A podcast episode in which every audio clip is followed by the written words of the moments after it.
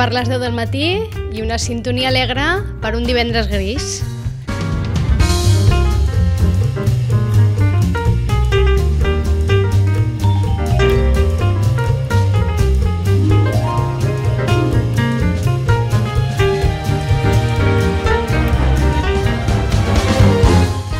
És l'hora del tu, jo i la competència amb Sandra Carbonell. Molt bon dia, Sandra. Molt bon dia. Aquesta sintonia mm, és perfecta per un divendres. Ai, sí, m'encanta.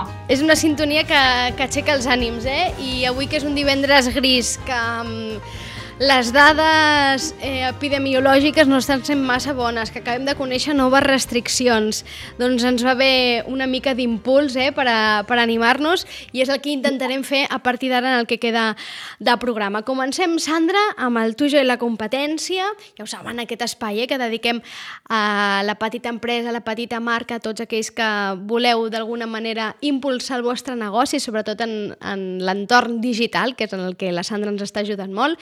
I avui, Sandra, que és l'últim, serà l'últim programa de, de l'any, ja fins al 2021 ens tornem a trobar, ens proposaves eh, parlar d'uns manaments, no?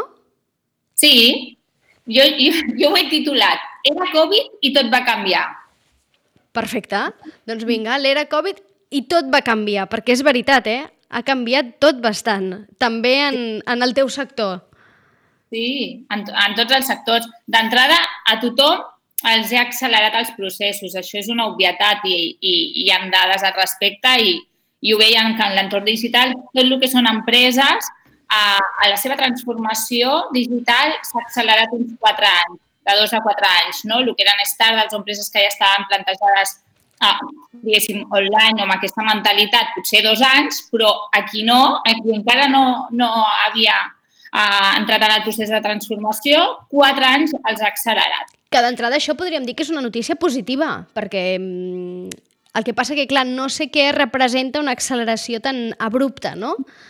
D'entrada, inversió.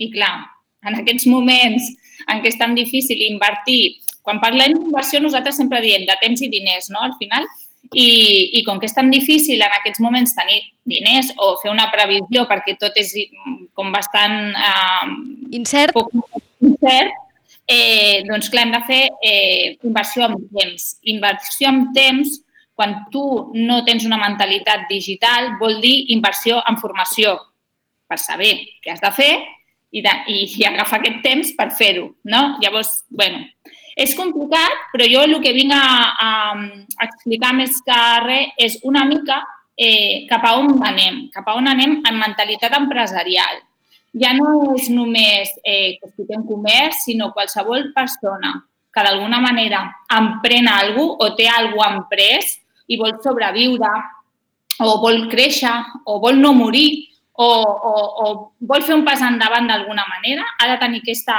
aquesta mentalitat digital molt instaurada i uns valors que són els valors post-Covid. Perfecte, que, que són dels que ens parlaràs avui. Sí, que han vingut per quedar-se, òbviament. Per, perfecte, doncs anem a això, eh? aquests eh, petits apunts per, per tots aquells que, emprenedors eh, que han emprès el que sigui, qualsevol projecte, i aquí ho sabem bé perquè anem parlant de tant en tant amb, amb emprenedors eh, locals, que en sabem que hi ha molts, i emprenedores, posaré, sí. faré aquí el matís, que sabem que també hi ha moltes dones emprenedores, doncs petits apunts, no?, perquè els tinguin en compte i que d'alguna manera s'han de convertir en una bíblia, eh, Sandra? Sí, sí. Mireu, em remeto una mica, per, per qui no vingui del màrqueting, entengui una miqueta, doncs, bueno, aquests valors i aquestes maneres de fer, d'on venen? En els, quan, quan tu estudies comunicació o màrqueting, hi ha un nom que és com, com la Bíblia, la nostra Bíblia, que és el senyor Kotler. ¿vale? El Philip Kotler, ell té un manual de mercadotècnia, no? que es deia llavors. Si algú ha vist la sèrie Mad Men, sí. eh, el Kotler doncs, estaria, estaria en aquella època. Llavors, ell va crear les quatre P's del màrqueting mix, que es diu vale? el producte, el preu, la promoció, la comunicació i la distribució, que, que la P seria el punt de venda. Durant 40 anys s'ha estudiat això i ha sigut, o sigui, la base del màrqueting. Què passa? En els últims anys ja veiem nosaltres que això canviava molt canviava molt. Llavors es parlaven de les 5 P's, de les 5 E's, perquè entra tota la part emocional, tota la part digital, uh, tota la part d'automatització. Llavors, però ara uh, hem de desmuntar aquest mite del Kotler. O sigui, ara tot això sí està molt bé un preu, però un preu, però en, en quin sentit? Està molt bé el producte, però el producte uh, quin valor té? Què està solucionant a la societat? Què estàs aportant? Llavors tot el màrqueting mix es qüestiona. Vale?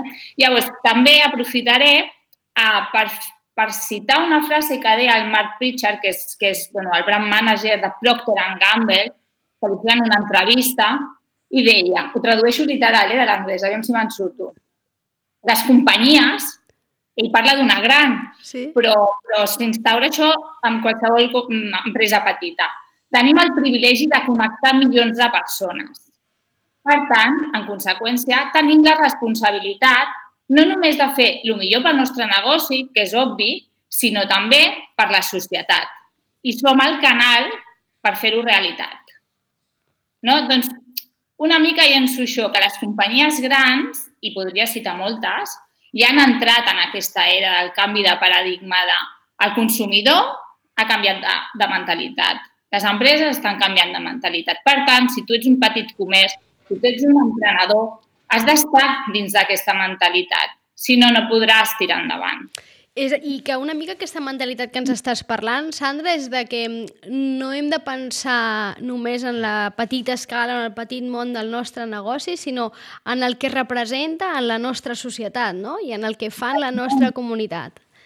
Clar, és que un negoci petit que té una xarxa social i arriba a 5.000 persones, pues clar, imagina't la red que té de contactes i la capacitat i, i, i la responsabilitat que té quan diu alguna quan fa alguna quan comenta alguna quan penja alguna això... És curiós, eh? Perquè una mica és un sentiment de comunitat, un sentiment de tribu, que és una idea que ara s'està bastant extesa, se'n parla molt, no? I que té a veure també molt amb, amb, entenc, amb el concepte de solidaritat, no? Tot i que estem parlant de negocis i al final, òbviament, el que aquí es busca és un resultat econòmic i un guany, eh? Queda claríssim, eh? Això ho tenim molt clar. Eh, per tant, que no estem parlant de projectes altruistes, eh? però um, una mica aquest concepte o aquesta tendència que ara està, que assenyales eh, sí. sembla que contraposa una mica amb el món que vivim, no? que, que de vegades tenim la sensació de que vivim en un món encara bastant egoista, no? I que pensa poc en, en la comunitat, no? I que pensa poc en, en el conjunt, no? I pensa molt en la individualitat i, en, i pel que expliques la tendència és anar cap a una altra banda. Totalment. Sí, ara hauràs un debat que em sembla superinteressant, però és antropològic. Ja. Sí, i m'encanta. I penso que la societat és egoista, sí, quina la nostra, la capitalista, no? Però no ens mirem tant al, al malic. Segurament hi ha moltes societats que hi ha coses que els hi funcionen molt bé perquè pensen en comunitat no? Llavors, bueno, a, a, en el cas, en, en publicitat estudiem molt psicologia i sobretot antropologia de la personalitat de les comunitats, de la societat, i és superinteressant veure realment com lo nostre ho tenim molt interioritzat, però no vol dir que sigui el correcte. No? Llavors està bé, precisament, ens hem d'aprofitar de la globalització per veure què es fa en altres llocs que, que, i que no són aquí al costat, i nutrir-nos i aprendre del que funciona. I està clar que les, les cooperatives, i està clar que, doncs això, que la gent que treballa en cocreació o en cooperació, doncs al final el benefici és per tothom molt més gran. Queda clar. I normalment després la satisfacció també és més gran. En qualsevol cas, i reprenent una mica el tema, eh, que ja he vist que me n'he sortit jo, eh? he fet així una mica, una mica eh, desviació. En qualsevol cas, el primer, diguéssim, punt que, que haurien d'agafar i de prendre nota tots aquests emprenedors o tota aquesta eh, gent amb negoci, amb marca, és eh, pensar, no oblidar que estan en societat, no? que estan en comunitat i, i no pensar únic i exclusivament en el negoci cap a dins, sinó pensar-lo també cap a fora, no? Sí, totalment. bueno, de fet, eh, jo he enumerat, m'he pres la llibertat aquesta de, bueno, de fer un recull de tot el que he vist i tot el que penso i ho he enumerat les sis Cs. Ah, perfecte. Hem fet... La Sandra ha fet uns manaments. Llàstima que no siguin sis S's, no? que ens encaixaria més, però... però... No, veus? No hem de pensar en un mateix. Molt bé, molt bé, Sandra. Doncs vinga, la Sandra mm, s'ha llançat, que per això tenim experts a la ràdio, eh? perquè clar, perquè, ens, perquè ells ens poden parlar en propietat. Les sis Cs, les sis Cs, que serien com aquests sis manaments eh? en aquesta era post-Covid o post-pandèmia, diríem. Sí. Ja ens estem situant ja en el camí de sortida eh? de la pandèmia, perquè mm, volem ser positius també. Sí, sí, sí. I la primera és que l'has dit tu, és la C de comunitat és que l'has dit tu, comunitat, tenir una consciència col·lectiva. Val? Hem de col·laborar, hem de cooperar, hem de co-crear. Jo, jo ho cito, no m'entenc, i que cadascú d'aquestes sis C eh, n'extregui amb el que ell sent més proper intenti explotar-ho. No cal fer tot de cop. Només que amb una tinguis l'objectiu de, va, aquest any intentaré cooperar més o intentaré col·laborar amb el no sé, amb les botigues del meu carrer, molt més, que no ho he fet. O que agafeu un d'aquests valors o una d'aquestes punts del manament i, i intenteu, intenteu treballar-ho. Amb petites accions, com deies, eh? no cal una gran acció eh? Mm, cooperativa, no sé què, no, no, petites accions serveixen, no? petites accions i, òbviament, sempre mirant en el negoci propi, no? I en allò que encaixi més amb, amb, amb, amb allò que tu t'hi dediques, amb allò que tu fas. Sí, i aquesta comunitat, aquesta consciència col·lectiva va molt lligada amb la següent, amb la consciència social. Això és com un, és un pas més. És a dir, tu col·labores amb el del costat, però si entre els dos poguéssiu fer alguna cosa, no? pues per la gent més necessitada del poble, per exemple, uh, va haver un comerç d'aquí Sitges, no? Planes i Fresones, que a més a més que sé que tu també vas participar, eh, va decidir fer una subhasta i, ostres, uh, va donar un, un bon grapat de diners que es podria haver quedat ella i no ho va donar a la Creu Roja. Sí. Llavors, va ser una iniciativa molt bonica perquè era un estoc que ella tenia i que se'n volia desfer, que sabem que és, un, que és una situació que passa a moltes botigues, eh, amb molt material, que els hi tenen un estoc i, i que se n'han de desfer no, i acostumen doncs, a posar-ho a un preu molt econòmic va fer això precisament, ho va posar a un preu molt econòmic, però en aquest cas eh, el recaptat doncs, ho va donar a, a Càritas o Creu Roja? A Creu Roja va ser, em sembla, no? A Creu Roja i bé, doncs vam ser moltes que hi van voler col·laborar, òbviament comprant una peça que després ens serveix, eh? És a dir, vull dir que al final estàs fent una compra també, és una compra-venda però amb un altre fi.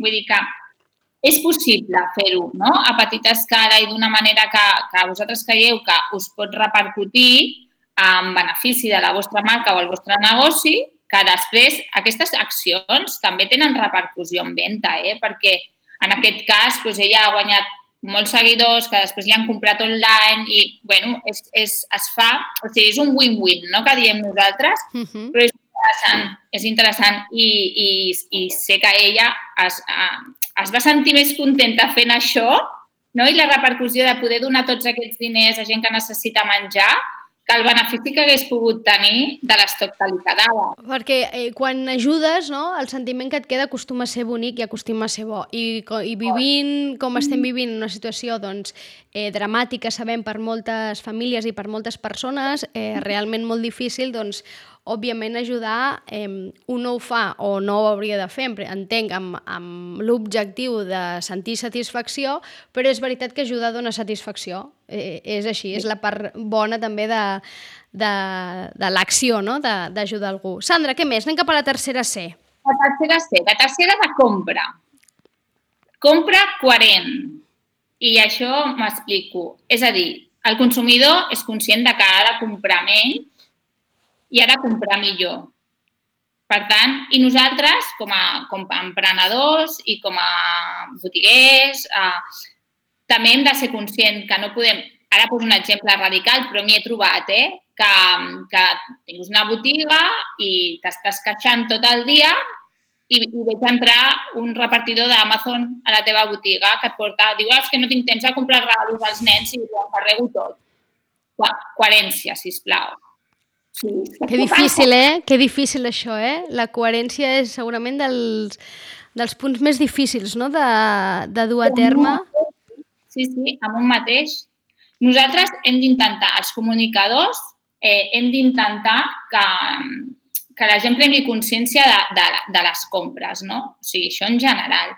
Per tant, el que fem és intentar explicar als nostres clients que ells han de ser els primers que, que prediquin amb l'exemple. Sí, sí. I, I, per tant, és important comprar. Qui pugui comprar, que compri, però que compri amb seny, que faci una compra coherent, eh, ètica, eh, de proximitat, perquè de proximitat vol dir que jo compro a Sitges, a la meva socia l'Anna compra a Mata de Pere, vull dir, si tothom compra el seu lloc, ens nutrim tots. No cal que jo compri a la Xina. Ja s'ocuparan els xinos de comprar-se ells mateixos. No? Sí, sí, a més és, probablement és un repte que tenim tots com a societat, no? que en moments ara com el Nadal, no? de tanta despesa i tant de compra ens costa, però entenc que també eh, això, es pot començar un a plantejar aquest repte a, eh, a petita dosi, no? Doncs a dir, doncs mira, no, no, no, no es tracta ara de dir doncs totes les compres que jo faig sempre d'una altra manera les faré totes locals, potser totes no, però potser sí que hi ha alguna que sí. pots mirar de fer el canvi, no? I, i poquet ah. a poquet. I... Mm, poc a poc. És poc a poc, ja ho he dit, no ha de ser tot de cop i no ha de ser tota la vegada. Poc a poc, però bueno, prenguem consciència. Jo si prenem consciència i ho baixem una miqueta això i ho analitzem, i cadascú fa l'esforç, jo ja estic contenta amb aquest primer pas. I aquí afegeixo, a Sitges ho tenim molt fàcil perquè tenim una oferta comercial eh, boníssima i molt, molt, molt àmplia. Clar, potser hi ha municipis o, o hi ha llocs que realment ho tenen complicat, no? perquè, perquè sí o sí han d'anar a mirar fora, no? Però és veritat que en el cas de Sitges tenim una grandíssima oferta i mm, realment mm, no seria necessari moltes d'aquestes compres fer-les a fora, no? Per tant, està bé i probablement aquest és un any també en el que mm, aquesta pandèmia ens hauria de fer reflexionar més en aquest sentit, no? perquè també és, és ajudar, no? ajudar el veí, ajudar a, perquè potser són veïns no? o amics o familiars que tenen negoci i saps que amb aquella compra que tu fas l'ajudaràs a, a que no baixi la persiana, que sabem que ho estan passant malament. Correcte. Doncs vinga, seguim. Em repeteixo, de fer de creixement, creixement digital i creixement digital, però i en formació. És a dir, el que parlàvem abans, no? En repetim, però aquesta de creixement és molt important. Sé que aquest, aquest any és un creixement a tots nivells, per tots, però com a empresa hem de donar el salt digital. I donar el salt digital vol dir, no, si ja m'he fet la web, vale, doncs t'has fet la web, ara l'has de moure. No, però si ja la mou, vale, i com la nous? Tens el Google Analytics, analitzes el comportament del, del teu consumidor, quan entra, quina hora entra, d'on entra, quines paraules clau li agraden més. O sigui, anem a aprofundir. No val tenir una web ja. bueno, si no la tens i te la fas, ja és molt, eh? Però no ens creixem, sisplau, amb això. Sí, que no ens pensem ara que perquè ens hem obert un perfil a una xarxa social ja està, i hem fet el pas digital. No, que és una mica més, eh? I que, a més a més, aquesta és una feina de poc a poc i de dia a dia, eh? I no s'atura, eh? No té fi, perquè cada dia mm, hi ha canvis. Ja ho sabem, que en el món digital tot es renova constantment. Clar, escolta una cosa, aprofito ara per parlar de lo del dia 14, que va ser dimarts, crec, que va caure a Google. Ai, sí, Sandra. Ah. Què, se'ns va acabar el món, eh, aquell dia? Ah. Doncs mira, tinc dos morales... Com es diu moraleja en català? Ai, no t'ho sabria dir. Mm, lliçó. Vaig aprendre una Vinga. lliçó. eh, dos. Una, sobre, la, sobre Google, perquè clar, cau Google, però cau el Drive que els fa servir el Google Analytics, com que parlàvem d'això sí. ara, què va fer Google? Preneu nota, però això és molt important. Això és mm, quan diem, o sigui, com gestionar les crisis, tant en xarxes socials i de més. Sí? Google, Google cau, surt, fa un comunicat i diu, ei, tranquils, hem caigut, però estem treballant tots i ara ho solucionem. Perfecte, ens tranquil·litza, no? No se n'amaga. Sí. Ja, què volem d'una marca? Que sigui transparent. Mm, som humans, l'hem cagat, ara ho solucionem. Al cap de dues hores surten, ei, ja està tot solucionat, podeu navegar tranquils, no passa res. Competència, són competents. En dues hores, clar, tenen allà mig món treballant, ho han solucionat. I, i, I a Google també li passen aquestes coses. Google també falla perquè la majoria de gent que hi ha treballant també tenen vots, però la majoria de gent que hi ha treballant, doncs, doncs són persones i, i poden passar aquestes coses. Llavors, aprenem la lliçó si fallem, no passa res, donem la cara, ens expliquem, ho solucionem i avisem que ja està tot ok. Que no passa res, que és normal fallar, que tots fallem, no? Cada vegada és per un tema de vergonya, no, no vull, no sé què, què es pensaran, o què pensaran de mi perquè he fallat. Doncs res, pensarem que, que fallem, podem fallar. Sí, i algú s'enfadarà, perquè quan falla sempre s'enfada algú, no passa res, però això és la vida, no? Doncs els grans també ho fan així i els hi funciona, perquè a nivell de repercussió de, de marca, la veritat és que no els ha afectat gens. No, gens vale. mica, és veritat. Ara, la sensació va ser de que s'aturava el món, eh? També t'ho dic, en aquell moment vam pensar, ara sí que ja s'acaba tot perquè Google ha caigut. que una mica també ens va fer reflexionar, eh? La dependència clar. que tenim. Clar, clar, sí, sí. bueno, també ho parlem sempre de les xarxes socials i al final, mireu, jo em vaig preguntar, ostres, he de tornar a, una mica a, a agafar llapis i paper i apuntar-me tots els correus electrònics de la gent, dels meus clients, de la gent important, perquè, clar, jo tinc uh, tots els correus electrònics en el Drive, en un Excel del Drive. Llavors, eh, és important que tot el que vosaltres tingueu, tingueu de, dels vostres clients, de les botigues, de, doncs, dels centres, això, tingueu tots els seus contactes apuntadets en algun lloc que només sigui vostre, per si algun dia us falla tota la part digital, també ho hem de tenir en compte, això. Pues, tenir-ho ja guardadet. Sí, sí. En sí. un moment determinat es puguis trucar. Sí, sí, ser previsors. És que avui en dia estem en aquella situació de que eh, la nostra vida està al mòbil, per exemple, no? I perds el mòbil i sembla que perdis la vida, que se t'acabi la vida, no? I que aquesta dependència tampoc no és, no és massa saludable, probablement, no? Per tant, hem d'intentar trobar els equilibris, no? O, o plans B, o tenir plans B no? analògics, sí. més rudimentaris, els de tota la vida, no? Eh, l'agenda de tota la vida. Guardadeta. Sí.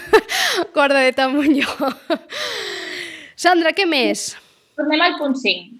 bueno, tornem. Anem al punt 5. Compromesos. La ser de compromís. Compromesos i ara, sobretot, anem a treure el tema del medi ambient, de la societat, vale? les marques aquelles que tenen un compromís amb tot el que és doncs, el futur del nostre planeta, són les marques eh, que triomfaran. El 2021 no hi ha cap dubte. Sí, sí. i ho estem veient sobretot en marques que um, estan liderades i impulsades per gent jove, perquè la gent jove eh, la gent jove que creix i que arriba ara en aquest món empresarial, que tot just està entrant, eh, jo diria que per sort arriben amb, una, amb bastanta més conscienciació mediambiental i això ho, ho estan transmetent a les seves empreses, als seus negocis, no? I tant de bo repercuteixi, tant de bo repercuteixi. I, i Sant... Digues. En aquest punt m'agradaria dir que, que perquè tu tinguis una empresa que no té aquests valors, eh, ja, bueno, jo, jo just el mes de març passat estava apuntada en un màster que es va haver d'aturar que es diu responsabilitat social corporativa.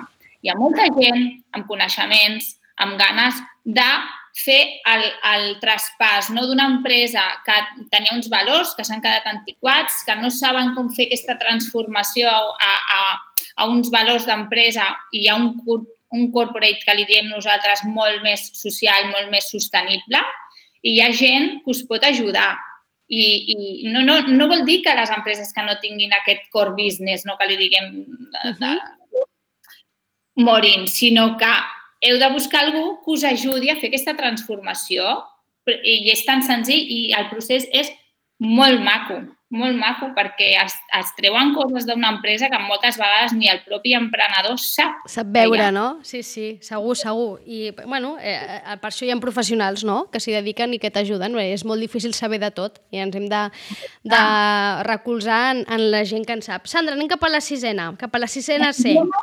I l'última, de canvi. Canvi. Val? Eh, no sé què vols que t'expliqui d'aquesta, perquè està molt ja, hem tingut tants canvis aquests anys, però vull que us quedeu amb aquesta mentalitat de, de, o sigui, de que res tornarà a ser com abans, però això no vol dir que no sigui bo. Sí, és un canvi de paradigma en la societat, és un canvi de paradigma en les empreses, és un canvi per les marques, pels emprenedors, un canvi de tot, de ser, de fer, de, de inclús nosaltres no, a l'hora de, de, de nutrir-nos d'informació, de, de formació, és un canvi. I hi ha un abans i un després. i no vol dir que el d'abans fos millor ni el que després sigui pitjor. Senzillament és un canvi que hem d'afrontar, un canvi que hem d'afrontar i que no ens queda alta. Sandra, ens passem del temps. Sé que avui volies fer alguna recomanació literària. Hi ha alguna que no la vulguis deixar per res del món perquè diguis és que aquest Nadal s'han de llegir sí o sí aquest llibre? Els emprenedors, mira, sí. Um, un llibre que es diu Generación de modelos de negocio. És molt pràctic, molt didàctic, és un tal Alexander, et passaré, et passaré, t'ho passo tot? Sí, i així ho pots passa-m'ho i ho, ho posarem al, a, al web, Generación de Modelos de, de Negocio. El títol sembla toston, però nosaltres vam parlar un dia del Business Model Canvas, aquí, crec, sí. i, i és, el que et ve a dir és que si tu no tens el model de negoci ben fet, ben ideat i ben pensat a nivell estratègic, és molt difícil que tu te'n puguis sortir. I allà et dona totes les eines per poder analitzar el teu negoci i veure en quins punts falla, en quins punts està bé i ho podem potenciar i tancar-li-la una mica cap a fer una estratègia de, per encarar l'any nou. No? El 2021, hosti, vull arribar aquí. Doncs pues va, vaig analitzar el meu model de negoci. Perfecte. Oi, Sandra, que ens, ens has penjat? S'ha penjat la Sandra. Caram, això és perquè ens passàvem del temps. I Google falla. Eh, mm, serà que ho hem parlat? Ostres, ara ens sap greu perquè no ens hem pogut acomiadar, però vaja, eh, l'acomiadem des d'aquí. Després eh, ja ens posarem a, a veure que entra... Ai, no sé què està passant. Sandra! Sí. Ah, no sé què ha passat ha passat alguna cosa estranya i estava ja mig acomiadant eh? i pensava, ostres, quin, quin greu perquè és l'últim programa abans d'acabar l'any i m'agradaria poder-li felicitar les festes. Com que se'ns acaba el temps, no t'amoïnis. Ha sigut Google. Ha sigut Google. Sí. Per, parlar, per parlar malament.